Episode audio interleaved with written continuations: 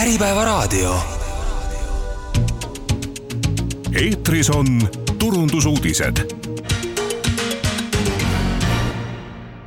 tere päevast! mina olen Keit Ausner ning eetris on turundusuudised. selles saates jagavad oma kogemusi ja teadmisi turundusvaldkonna juhid ja praktikud. üheskoos arutleme turundusstrateegiate, teooriate, trendide ja praktiliste lahenduste üle. lisaks vaatame sisse turundusplaanidesse, puudutame palga ja koostöö küsimusi ning arutleme erinevate kanalite toimivuse üle. kui sa kuulad turundusuudiseid täna esimest korda, siis leiad kõik varasemad saated veebilehelt bestmarketing.ee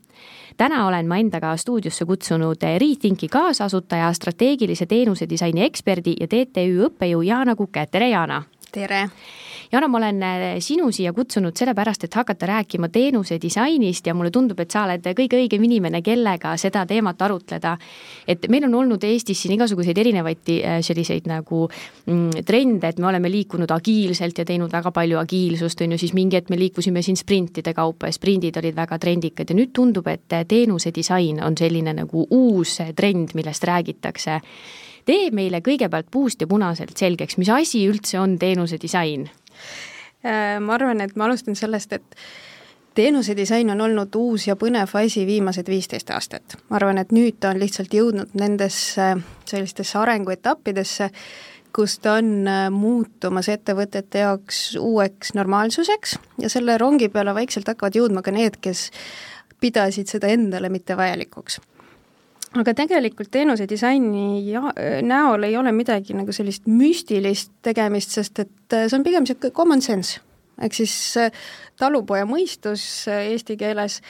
see tähendab seda, et ettevõtted toimetavad, teevad otsuseid lähtudes sellest, mida kasutajal või kliendil on päriselt vaja. Kui seda hästi lihtsalt seletada, siis nii ta on,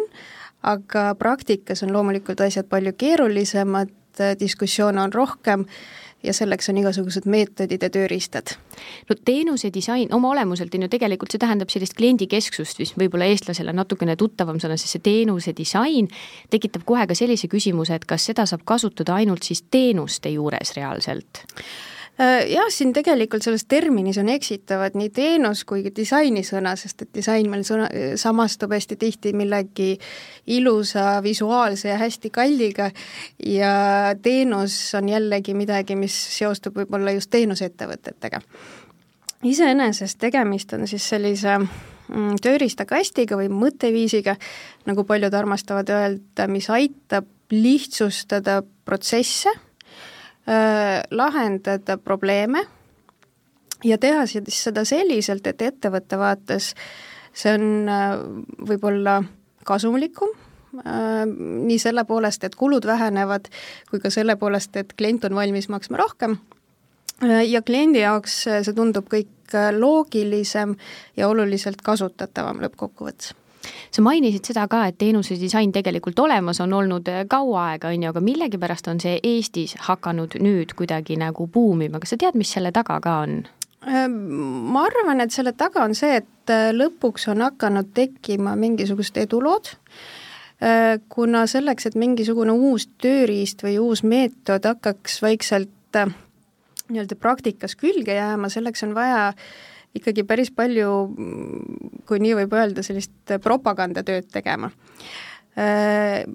buzzword või siis selliseid noh, popi sõnu, eks ju, aeg-ajalt ärimaastikul kerkib. enamik neist läheb suhteliselt kiiresti üle. disainiga mm, ilmselt oldi ka algusest üsna ettevaatlikud ja ma arvan, üks mu esimesi kliente, kes mul niimoodi meenub, kõige esimeses sellises tutvustavas noh, koolitusel või, või koosolekul, kuidas seda nüüd nimetada,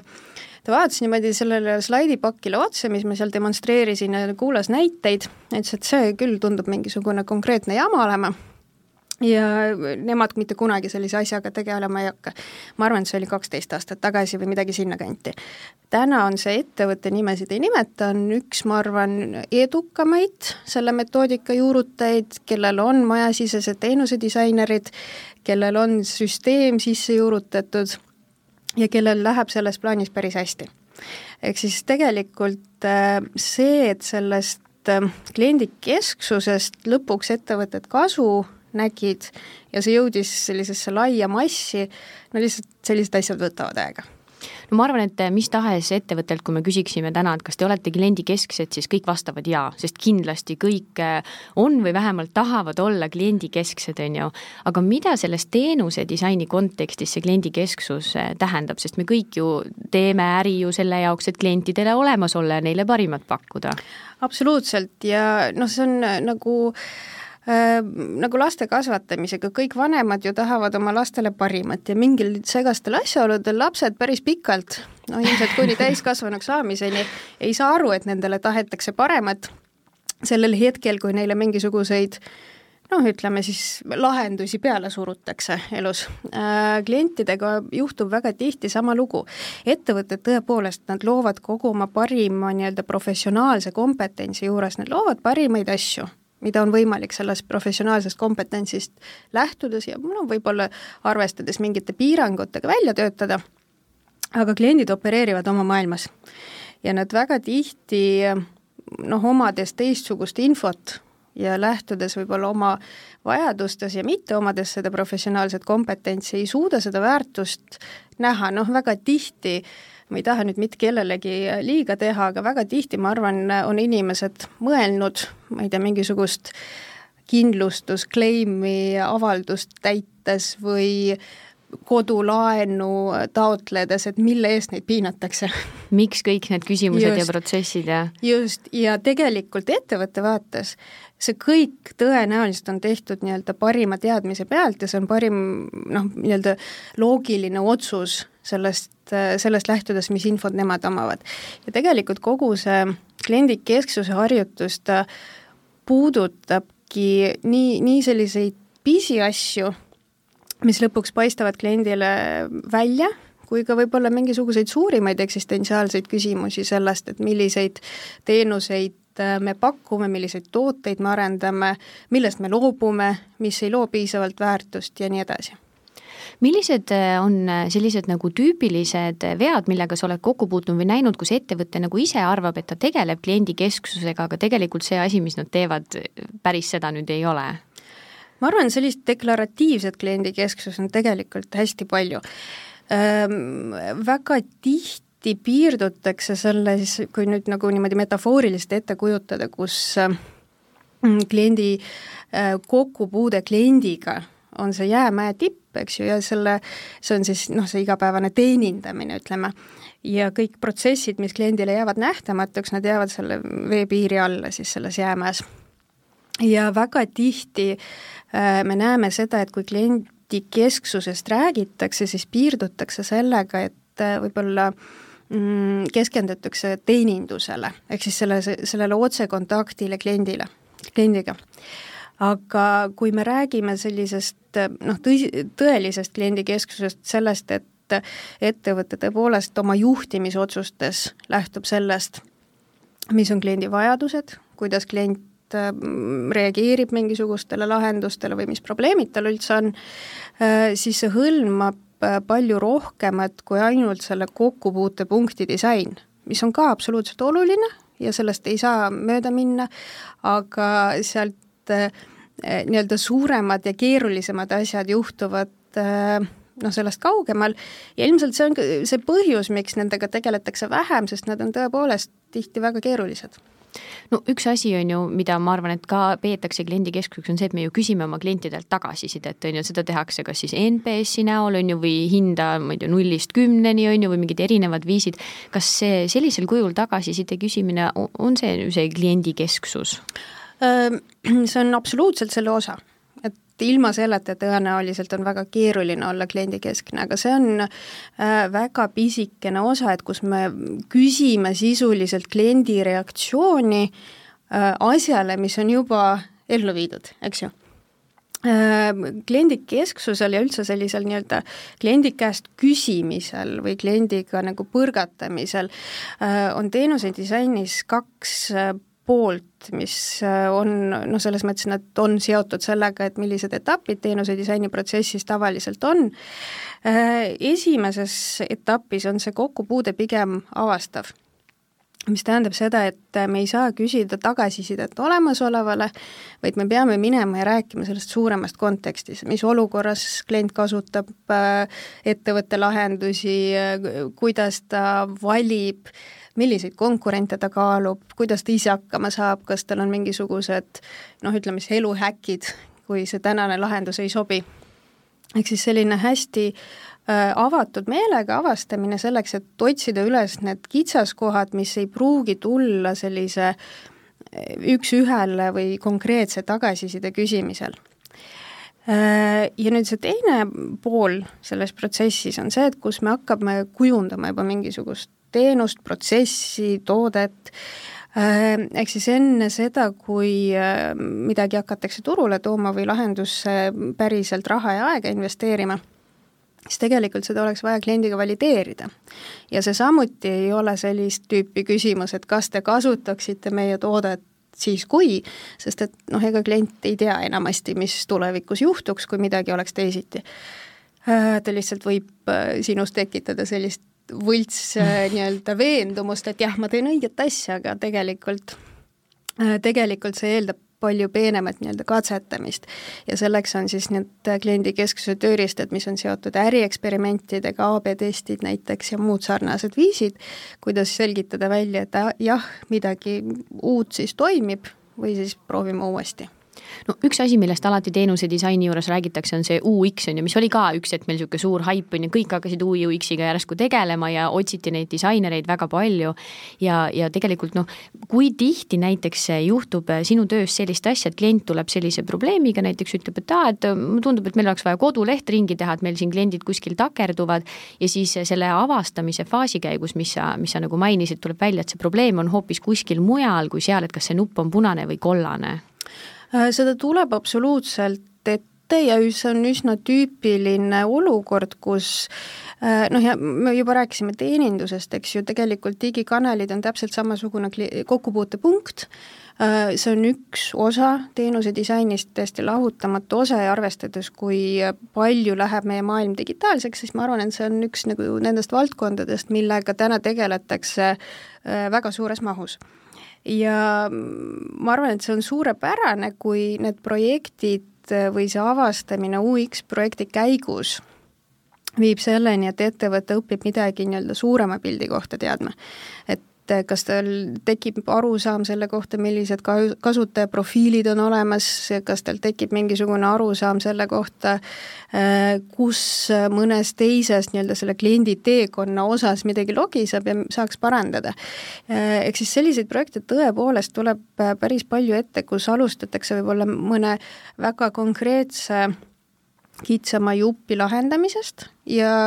hakkavad tekkima mingisugused mõtted või, või seosed, äh, mis aitavad ka suuremat pilti parandada. Äh, kui me mõtleme nagu teenuse ja disaini peale, on ju, siis äh, ma arvan, et hästi paljudel kaardistub kohe see postitute kleepimise osa, on ju, me loome persoonad ja hakkame kleepima postiteid, on ju, et tegelikult see on vist ju ainult üks väikene tükk sellest, on ju, et milline see teenuse disainiprotsess tegelikult välja näeb? Äh,. hästi tihti, kui me alustame uue projektiga, siis ma tõmban võib-olla inimeste entusiasmi natuke maha, et tõepoolest me hakkame kleepima post-it eid, see on see töö nii-öelda põnev ja, ja lõbus osa, aga õnneks või kahjuks üks põhilisi tööriistasid teenusedisaineri jaoks on näiteks Excel mis, mis aitab infot süstematiseerida ja kuidagi analüüsida põhjalikult ja tuua välja mingisuguseid mustreid. Äh, ehk siis jah, töötoad ja, ja siis post-it'id, millele sa viitasid, on ilmselt üks selline mm, klišee, mis on tekkinud ähm, noh, seoses ilmselt sellega, et väga paljud on olnud kaasatud lihtsalt sellesse lühikesse tööetappi ja suurem ja põhjuli-, põhjalikum töö on tihti jäänud võib-olla mingisse kitsamasse ringi, millest kõik ei ole osa saanud, aga reaalsuses on tõepoolest äh, see töö veidi vähem glamuurne, kui võib-olla nende töötubade käigus paistab. Äh, samas ta on ikkagi päris sisukas ja päris ähm, niisugune ähm, põnev just selle tõttu, et tegelikult ega ta ei ole midagi muud kui erinevate osapoolte vahel mm, info vahetamine või vahendamine teenuse disaineri abiga ja siis koos selle info pealt ütleme, lahenduste koos leiutamine. see tegelikult on selline väga mm,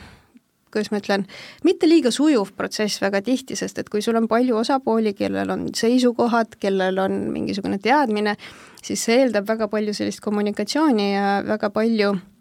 kompromissi leidmist ja, ja meeldetuletamist, et me oleme siin ikkagi kogunenud kasutaja jaoks, äh, aga lõppkokkuvõttes äh, ma arvan, et need organisatsioonid või need meeskonnad, isegi mitte organisatsioonid, kes on selle ähm, eduelamuse sellest protsessist ükskord saanud, siis tegelikult nad on äh, valmis, vaatamata selle protsessi keerukusele, selle ringile ka uuesti minema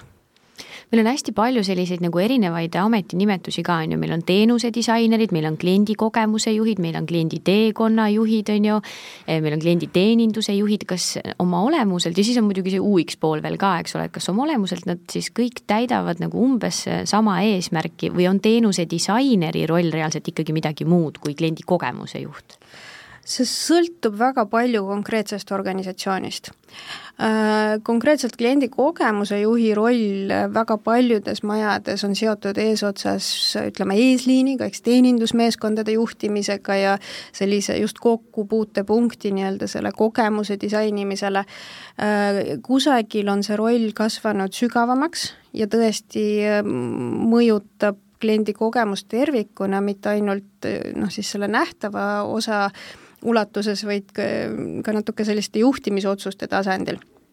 see väga tugevalt äh, sõltub sellest, kui küps on organisatsioon, kuidas nemad on mingisuguseid rolle tõlgendanud ja ma ütleks, et tegelikult äh, mida edasijõudnum organisatsioon tegelikult, seda äh, vähem, äh, seal on selliseid rolle, mis ongi kuidagi nagu spetsiifiliselt ära defineeritud teenuse disainer. Äh, mulle väga meeldib võrrelda teenuse disaini kompetentsi projekti juhtimise kompetentsina. ehk siis, kui sul on äh, suur organisatsioon, siis tavaliselt et äh, sul on väga nagu keeruline öelda, et sul on see inimene siin, tema tegeleb ainult projekti juhtimisega, mil-, mitte millegi muuga. kuigi jah, meil on ametinimetuse po-, poolest projektijuhid täitsa olemas, aga nende töölaud on päris kirju, eks ju, ja projektide juhtimisega tegelevad äh, noh, organisatsioonides enamjaolt ikkagi valdav osa inimesi, projektide suurus võib olla erinev, aga metoodika on kõigile teada, teenuse disainiga on tegelikult täpselt samamoodi mida küpsem organisatsioon, seda rohkem võiks see tööriistakast või mõtteviis olla nii-öelda kõikide inimeste töölaual. Ja seda vähem on vaja seda dedicated inimest, kes siis kuidagi seda aitaks suunata ja silma peal hoida, et kas tehakse nüüd korrektselt või midagi jääb vahelt puudu ma nüüd vabandan, kui ma liiga teen, aga mulle tundub, et, et selline keskmine suhtumine teenuse disaini on ikkagi nagu see, et ta on selline esiteks väga suur kulu, on ju, teiseks selline keeruline mõõta, et mis siis selle nagu otsene tulemus on ja kas sellega siis tegeleda, et ongi just see mentaliteet, igasugune post-it'ite kleepimine, on ju, ja mis see nagu äriline kasum reaalselt eh, on, et et nagu kuidas ettevõtted sellest teenuse disainist ikkagi võidavad, sest see kõlab ka nagu hästi pikk protsess, kuhu on hästi palju ressurssi kaasatud, on ju, tulemused võivad olla sellised um-, umbmäärased, et läheme alles midagi uurima ja vaatame, kas see üldse läheb paremaks, et et kuidas see teeb ettevõtete elu paremaks? see on tõesti väga keeruline ja väga paljude organisatsioonide jaoks ka valus küsimus, sest et mm, ma arvan, et teenuse disaineri ideaalne töö on hästi tehtud siis, kui äh, äripool, keda ta siis toetab oma, oma tegevusega, äh, võtab Äh, loodud lahendust väga tugevalt omaks ja selleks, et ta seda omaks võtaks äh,, äripoolel peab jääma see mulje, et noh, see on nende beebi, see on nende idee, nende arendus ja siis, kui see, see mulje tekib, siis tekib küsimus, aga milleks see teenusedisainer siin oli, on ju, et millest tema, me ju mõtlesime välja äh,. ja, ja sellest tegelikult tekib kogu see keerukus, eks ju, et kui äh, teenusedisaini tiim või see üksik Äh, spetsialist, kes äh, või, või välisagentuur, mida tihti juhtub, äh, loob mingisuguse lahenduse, siis seda töösse rakendada on üpris keeruline, sest ta on ikkagi võõrkeha. ta ei ole noh, see kuulus, eks ju, not invented here sündroom mille kohta on lausa Vikipeedia artikkel olemas. Ehm, ehk siis just selle tõttu seda nii-öelda panust ja, ja rolli, eks ju, tõestada ettevõttes on hästi keeruline. ma kunagi töötasin ühes ettevõttes, kus juht ütles, et turundusel on hästi keeruline, ma arvan, et siin on nagu niisugune paralleel teenuse disainiga on olemas, et kui midagi läheb hästi, siis on äri teinud hea töö kui midagi läheb halvasti, siis on turundus süüdi. kujutan ette, kui palju turundajaid praegu noogutas kaasa sinuga. absoluutselt ja teenuse disaineriga on sisuliselt äh, üks-ühele olukord. ehk siis äh, see iseenda saba liputamine ja sealjuures nii-öelda äh, selle omaniku tunde säilitamine äri poole peal, see on niisugune väga huvitav tasakaalumäng,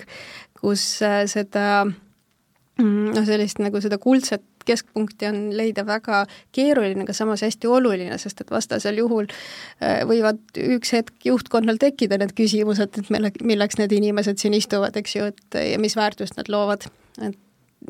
keeruline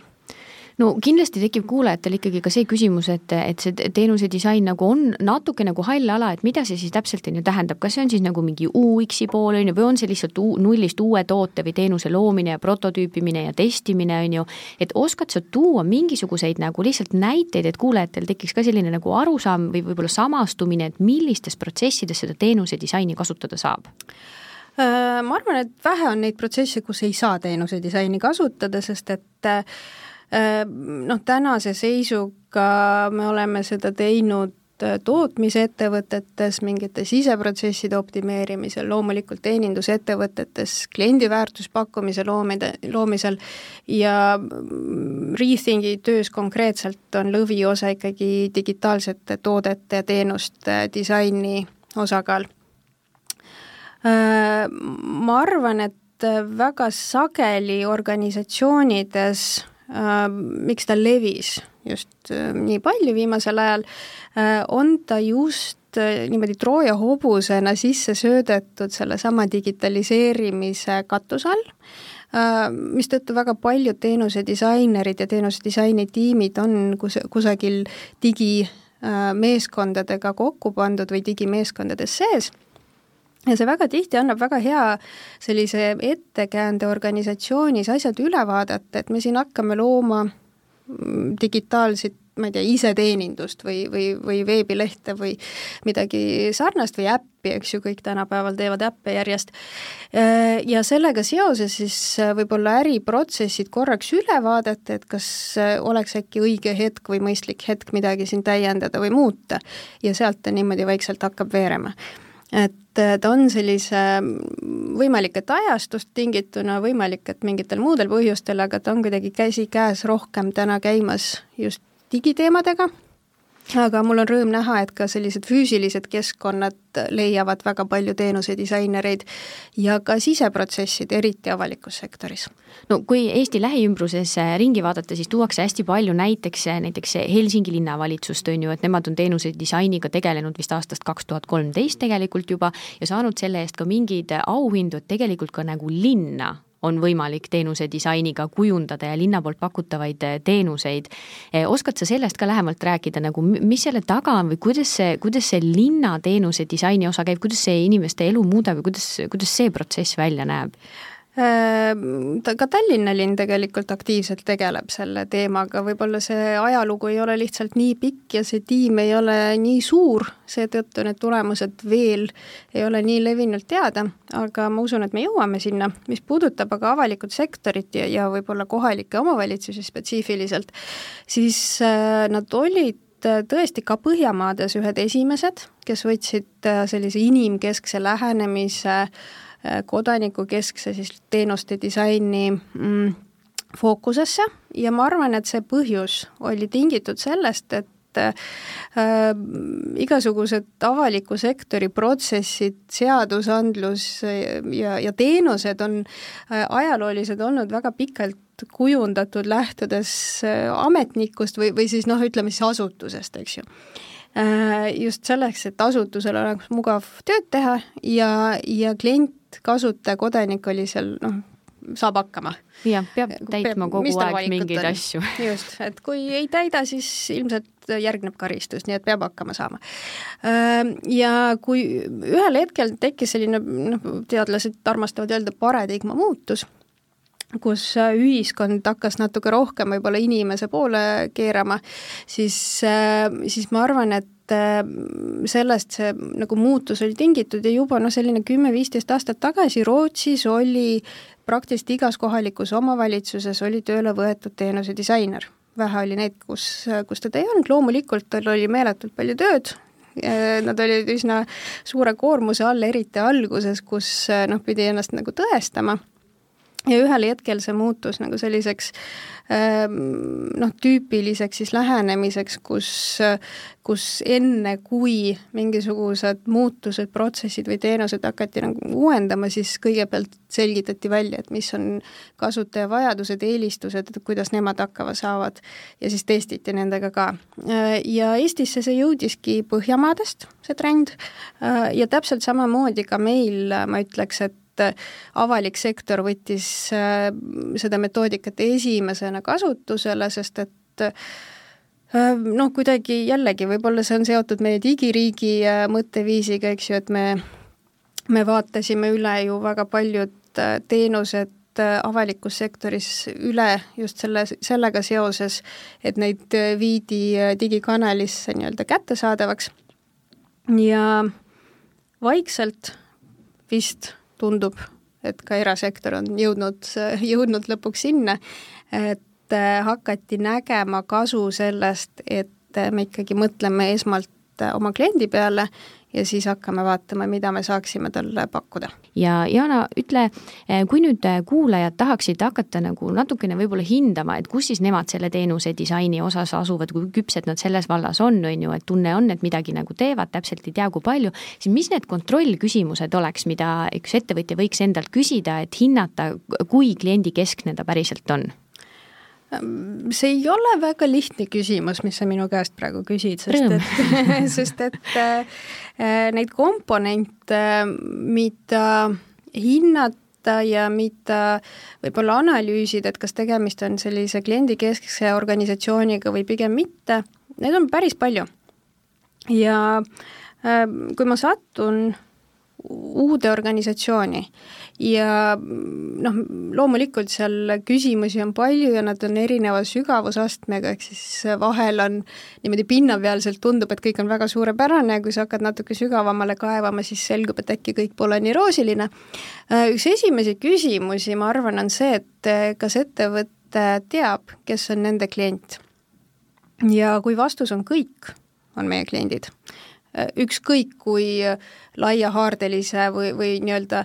universaalse teenusega ettevõttega on tegemist, kui vastus on kõik, siis tegelikult see on viide sellele, et võiks alustada äh, võib-olla algusest, et me ei räägi liiga küpsest ettevõttest.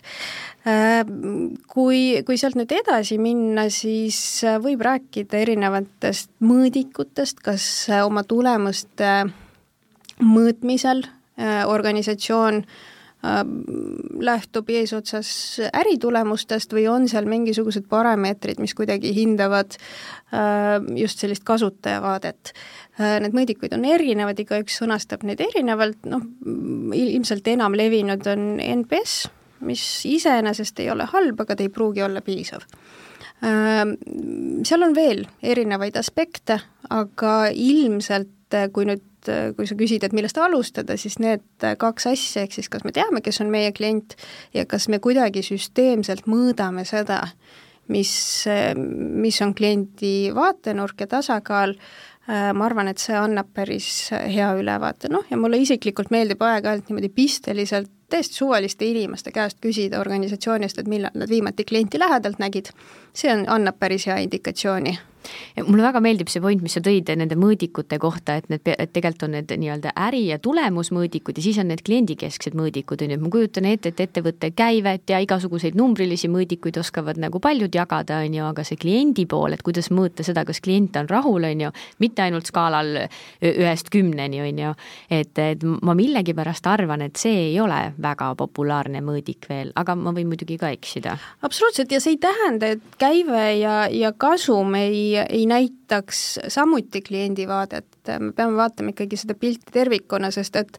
noh, lõppkokkuvõttes teenuse disaini ju eesmärk on ju see, et kui me teeme paremat asja, mis lahendab meie kasutaja probleemi paremini, siis ta on valmis meile tooma rohkem raha ja siis see väljendubki lõppkokkuvõttes kasumi ja käibe kasvus. ehk siis tegelikult see korrelatsioon nende mõõdikute vahel on hästi tugev, et mm, selle süsteemi ülesehitamine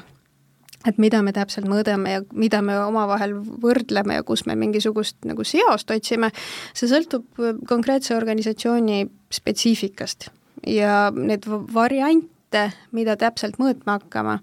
need on sisuliselt lõpmatuseni palju niisugune hea mõõdikute arv on, kui hakkad teenuse disainiga tegelema, siis ma ütlen turunduses ka nagu mul on reaalselt mustmiljon asja, mida ma võin mõõta, on ju, ma võin mm -hmm. väga pisidetailideni minna. et kui ma nüüd teenuse disainis hakkan nagu mingisugust protsessi seal parandama, on ju, siis mis niisugune, ma ei tea, mis niisugune hea mõõdikute arv on või kuidas nagu mm -hmm. aru saada, et kuidas ma hindan nüüd seda, et see muudatus päriselt midagi mõjutas? Äh, ma võib-olla seda arvu päris täpselt ei ütle, aga ma ütlen niimoodi, et et äh, kui, kahju, et me oleme täna raadios, sest me tahaks pilti näidata, aga ma arvan, et paljud, äh, kes on kuulnud midagi teenuse disainist, on näinud ka seda kuulsat pilti, kus on niisugused kolm mullikest, Venn diagramm ja siis keskel on mingisugune kattumine ja need kolm mullikest on siis klient, ehk siis see sihtrühm, eks ju, kellele me teeme, äh, siis on mingisugused sellised protsessid, seal ühe mullina ja siis kolmas komponent on ärimõõdikud. ja ma arvan, et ideaalne on see, kui mõõdikud on tasakaalus nende kolme vahel. ehk siis me mõõdame seda kliendivaadet, on see siis eh, NPS, eh, täna veel on niisugune üks populaarne asi, customer effort score, mida juurutatakse me mõõdame äritulemusi loomulikult, eks ju, noh, seal on ka igal ettevõttel ilmselt juba olemas mingisugune baas, et mis näitajad neil, neil on, ja ka siseprotsesse on võimalik mõõta ja see on nüüd äh, see osa, mis äh, sõltub konkreetsest ettevõttest, sest et mm, mida me siseprotsessides üritame ikkagi nagu kuidagi välja selgitada, on see, et kas otsused äh, ja protsessid kuidagi sõltuvad kliendi sisendist või need äh, tehakse ja viiakse läbi kuidagi kliendist täiesti sõltumata. et see on see, mida on vaja mõõta, kuidas seda teha, noh jälle seal variatsioone on palju ühe kontrollküsimusena mainisid seda ka, et millal inimesed ise viimati klienti lähedalt nägid, on ju. E, räägi selle teenuse disaini poole pealt sellest ka, et igasugused kliendiuuringud ja tegelikult ju noh, kliendikesksus algab ju koostööst kliendiga, on ju, et kui tihedalt see sinna teenuse disaini protsessi põimitud on ja millisel kujul, et kui palju ma pean nende klientidega siis suhtlema? no ma ei ole nagu veel näinud seda olukorda, kus kliendiga oleks suheldud liiga palju, et ma arvan, et Äh, kindlasti on see olemas, aga, aga ma ei ole veel seda praktikas kohanud. Ähm, see ilmselt see avastamise pool, just see, et me hoiame sellist avatud vestlust või dialoogi kliendiga, äh, on ettevõtete jaoks üsna keeruline väljakutse. ja mitte sellepärast, et kliendiga oleks kuidagi väga keeruline rääkida või kliendid ei tahaks seda teha, Äh, vaid sellepärast, et see nõuab päris palju aega ja siis äh, tehakse, noh, sellest tulenevalt ettevõtted teevad selliseid noh, shortcut'e või, või, või kuidas seda nüüd nimetada, äh, näiteks nad viivad läbi sellise kvalitatiivse uuringu asemel kvantitatiivse, kliendiküsitlusi tehakse hästi palju Äh, iseenesest jah, nad võivad olla väga informatiivsed, aga kvantuuringu käigus on väga keeruline avastada midagi, saad valideerida oma mõtteid, aga sa ei avasta. Äh, ehk siis sellest on kasu natuke hilisemates võib-olla arendusetappides avastavat uuringut tihti lükatakse ka välispartnerile laua peale, mis ka ei ole paha, sellepärast et noh, ilmselt nad oskavad professionaalselt ja väga põhjalikult seda uuringut teha, aga no jälle puhtalt praktikast, kui organisatsiooni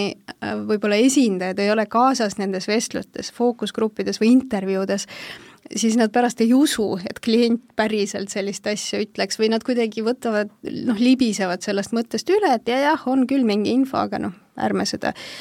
seda fookusesse võtta. Ja samas nendes organisatsioonides, kus mul on õnnestunud äh, juhte ja otsustajaid võtta kaasa kas kliendivaatlustesse või intervjuudesse, noh seesama, et millal sa viimati klienti nägid ja tema, temaga rääkisid ja see klient võiks olla noh, võõras, mitte su enda sõber, siis äh, tegelikult see emotsioon ja selline noh,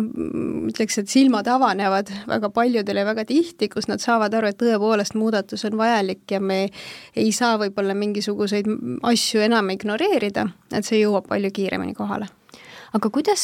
kuidas seda nagu äh, täna praktikas tehakse, kas võetakse ette oma kliendibaas ja kirjutatakse, ma ei tea, sealt äh, täiesti juhuslikult kümnele inimesele, et kas te olete valmis meiega, ma ei tea, pool tundi või tund aega intervjuud tegema või kuidas see protsess välja näeb, sest et see tundub ka tegelikult natuke hirmus hakata klientidele ütlema, et kuulge, tulge nüüd meiega rääkima, kuidas te siin meie asju kasutate. absoluutselt, see on äh, kohutavalt hirmus, eriti eestlaste jaoks, et sa pead ja, hakkama suhtlema mingisuguste inimestega, hakkama neid küsimusi küsima. Ja mõne ettevõtte puhul need küsimused on ju üsna üsna delikaatsed, kui me räägime näiteks tervishoiust või me räägime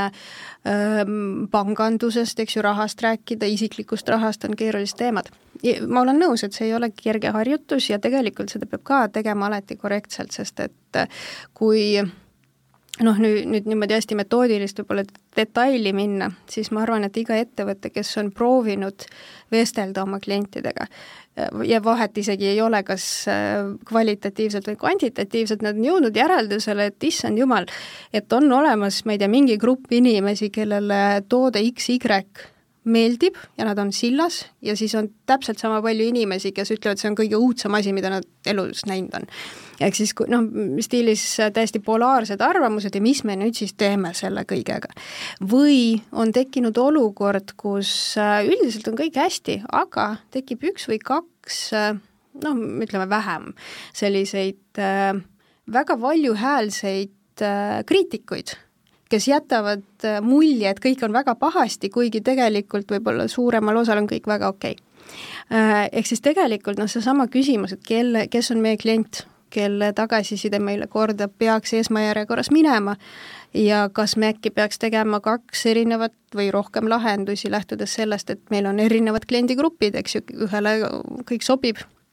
teisele mitte. Äh, kõik sellised nüansid on need, mis, mis ilmselt lisavad keerukust sellele protsessile, see on see võib-olla koht, kus tõesti on mõistlik küsida majavälist abi, mitte et ma nüüd konsultante kuidagi metsikult propageeriks, aga, aga siiski. Ehm, et ehm, ma arvan, et see on see koht, mis vajab natuke võib-olla sellist käehoidmist, vähemalt esimestel kordadel, selleks et saada aru, mis see protsess on, kuidas see käib, eks ju, ja kas kas seda nüüd terves mahus on mõistlik ära delegeerida või ise natuke rohkem seal noh, ka kätega kaasas olla, kui see on vähegi võimalik, sest see on töömahukas, eks ju. Äh, siis äh, noh, see annab kindlasti seda julgust juurde, et vähemalt sellest esimesest hirmust, et issand jumal, lähme kliendiga rääkima, et sellest üle saada, me oleme näinud ettevõtteid, kes on lihtsalt äh, läinud vestlema oma klientidega niisugune, et me julgustasime neid lihtsalt minema näiteks avalikku ruumi kaubandusse või, või kusagile äh, piirkondadesse, kus me teame, et need inimesed, eks ju, liiguvad, keda meil on vaja kätte saada, täiesti tänaval piltlikult öeldes õla peale koputama ja küsima, et kas neil on hetk aega, et vestelda. Ja see täitsa toimib, hämmastaval kombel keegi ei ole siiamaani peksa saanud. Ja saavad üle need ettevõtte töötajad oma hirmust kliendiga rääkida? absoluutselt, noh, seal on vaja kerget motivatsiooni, eks ju, natuke tähtaegasid, mis alati, alati motiveerib sellist äh, tegutsemist, aga see asi saab tehtud ja tegelikult, kui äh, peale esimest ja teist katset inimesed saavad aru, kui põnev ja informatiivne see kõik on, siis tegelikult ähm, see motivatsioon seda harjutust korrata, ta tekib Äh, vahel ähm, vahel tekivad sellised olukorrad, kus inimesed tulevad tagasi, ütlevad, jaa, klient ütles meile täpselt sedasama asja, mida me juba teadsime. Nendel hetkedel mul tekib kahtlus, et kas nad päriselt rääkisid inimestega või siis nad teevad nägu, et nad seda tegid ja kas nad ikka rääkisid päriselt hästi ütleme nii. üks osa on ka see küsimuste küsimine, et ma ei saa ju tegelikult kliendilt äh, küsida näiteks, et ma ei tea, mul on saidis podcast'id ka, miks sa podcast'e ei kuula, on ju. või miks sa ei tee, ma ei tea, ei kasuta kuskil seal mul iseteeninduses mingisuguseid funktsioone, et ma ei saa nagu talt ju otse küsida, et miks sa ei tee nii, nagu ma tahan. et kuidas neid küsimusi üles ehitada, mulle tundub see kõige suurem kunst selle juures, et ma küsiksin nii, et selle küsimuse, et see ei ole otse, aga ma läbi su vastuse saaksin nagu aimduse, on ju. no me oleme jõudnud jõudnud hästi niisuguse nagu metoodilise jutuni juba, eks ju. ja noh, kindlasti on see omaette kunst ja see tuleb praktikaga. Äh, see, kuidas küsimusi küsida, milliseid küsimusi küsida, äh, see on noh, teema, mis kindlasti vajab sellist, kuidas ma ütlen, teoreetilist ettevalmistust enne, kui me lähme rääkima, sest et Äh, need küsimused, mis sina näiteks tõid, et miks ei kuula, eks ju, ma arvan, et ükski normaalne inimene ei ole istunud maha ja eelnevalt analüüsinud, et huvitav, miks ma ei kuula seda saadet, et vaatame nüüd nagu hinge põhja, eks ju, ja noh, paneme siin nagu mingisuguse niisuguse rats-, ratsionaalse vastuse kokku, eks ju, nii et äh, kui sa seda intervjuus tema käest küsid, siis ta lihtsalt lennult, eks ju, leiutab sotsiaalselt aktsepteeritava vastuse, mis võiks nagu kõlada enam-vähem adekvaatselt. Ja noh, see ainuke, mis sa saad, eks ju, sa saad sellise nagu võlts äh, kindlustunde, et sulle anti mingisugune info, millega sa pead siis nagu midagi edasi tegema noh, samamoodi, eks üks asi, mida kiputakse küsima, on äh, tulevikku sellised oletuslikud küsimused, et kui oleks äh, nii ja nii, kas sa siis kasutaks või kuulaks. Ja noh, samamoodi, eks ju, inimesed kipuvad, ega jällegi ta ei tea, mis juhtuks siis, kui, on ju Äh, ja mis mõjutaks tema käitumist tulevikus, see on umbes nagu, minule väga meeldib öelda, et esimesel jaanuaril meil on kõigil väga siirad kavatsused selles osas, mida me hakkame kõik sellel aastal teisiti tegema kusagil äh, nädala pärast on see kõik üle läinud ja siis me juba oleme sellega harjunud selle mõttega, et no proovime järgmine aasta uuesti, eks ju, aga kavatsus oli siiras. kliendiga intervjuuga on täpselt samamoodi, me ei saa küsida, mis oleks siis, kui. ja, aga ma väga tahaks seda teada, eks. ja ma arvan, et see on niisugune fundamentaalne mm, vale ootus väga tihti ka kliendikesksuse äh, harjutusele, et me saame kliendi käest väga täpselt vastust, mida on vaja teha väga paljud ettevõtted lähenevad just selle nagu sellise ootusega, et no davai, et hakkame tegema ja me, me siis nagu saame väga täpsed juhised, mis hakkab juhtuma. Äh, see jätab tähelepanuta selle teise kliendikesksuse poole, kus on siis mm, ütleme, lahenduse väljatöötamine, lahenduste testimine, testimisest õppimine ja uus iteratsioon, ehk siis äh, avastamise käigus ehk siis see on see etapp, mis võib-olla saab rohkem tänu nende post-it'i töötubade ja, ja kõige muuga äh, rohkem tähelepanu ja tekitab rohkem emotsiooni, et me lähme viime läbi kliendi uuringu, kliendi intervjuud ja me saame teada kliendi probleemi. me ei saa teada lahendust, me saame teada, mida on vaja lahendada. ja siis see, mis sellele järgneb on terve suur ja mahukas osa töös, mis väga tihti kas ununeb või jääb tähelepanuta või seda lihtsalt ei osata oodata. et kõik keskenduvad hästi sellele kliendile rääk-, kliendiga rääkimisele, aga just see testimine, valideerimine, eksperimendid, sellest õppimine, et see on see, mis tegelikult teeb seda teekonda nii-öelda esiteks tulemuslikuks ja teiseks noh, teisest otsast ka keeruliseks ja pikaks, sest et ega see päris nagu esimese korraga ei juhtu, kuskil just äh, tuli äh,, tuli ette selline fakt, et äh, Google teeb äh, meetsikus koguses eksperimente, noh, neil on selles mõttes need ikkagi sadu võimalusi ja mahtu on, jah? võimalusi ja mahtu on, eks ju, noh, me räägime digitaalsetest toodetest, seal on natuke lihtsam kui võib-olla mõne, mõnes teises kontekstis et nad teevad ikkagi sadu tuhandeid aastaid, aastas äh, ja kusagil üheksakümmend viis protsenti nendest läheb rappa. ehk siis ebaõnnestumise reit on väga suur. lihtsalt see, mida me hiljem raamatust loeme või, või kusagil niimoodi podcast'ist kuuleme, eks ju, et need on tavaliselt need äh, pisikesed viis protsenti, mis õnnestusid. ja, ja see on see võib-olla, mis seda kliendikesksuse harjutuse noh, sellist entusiasmi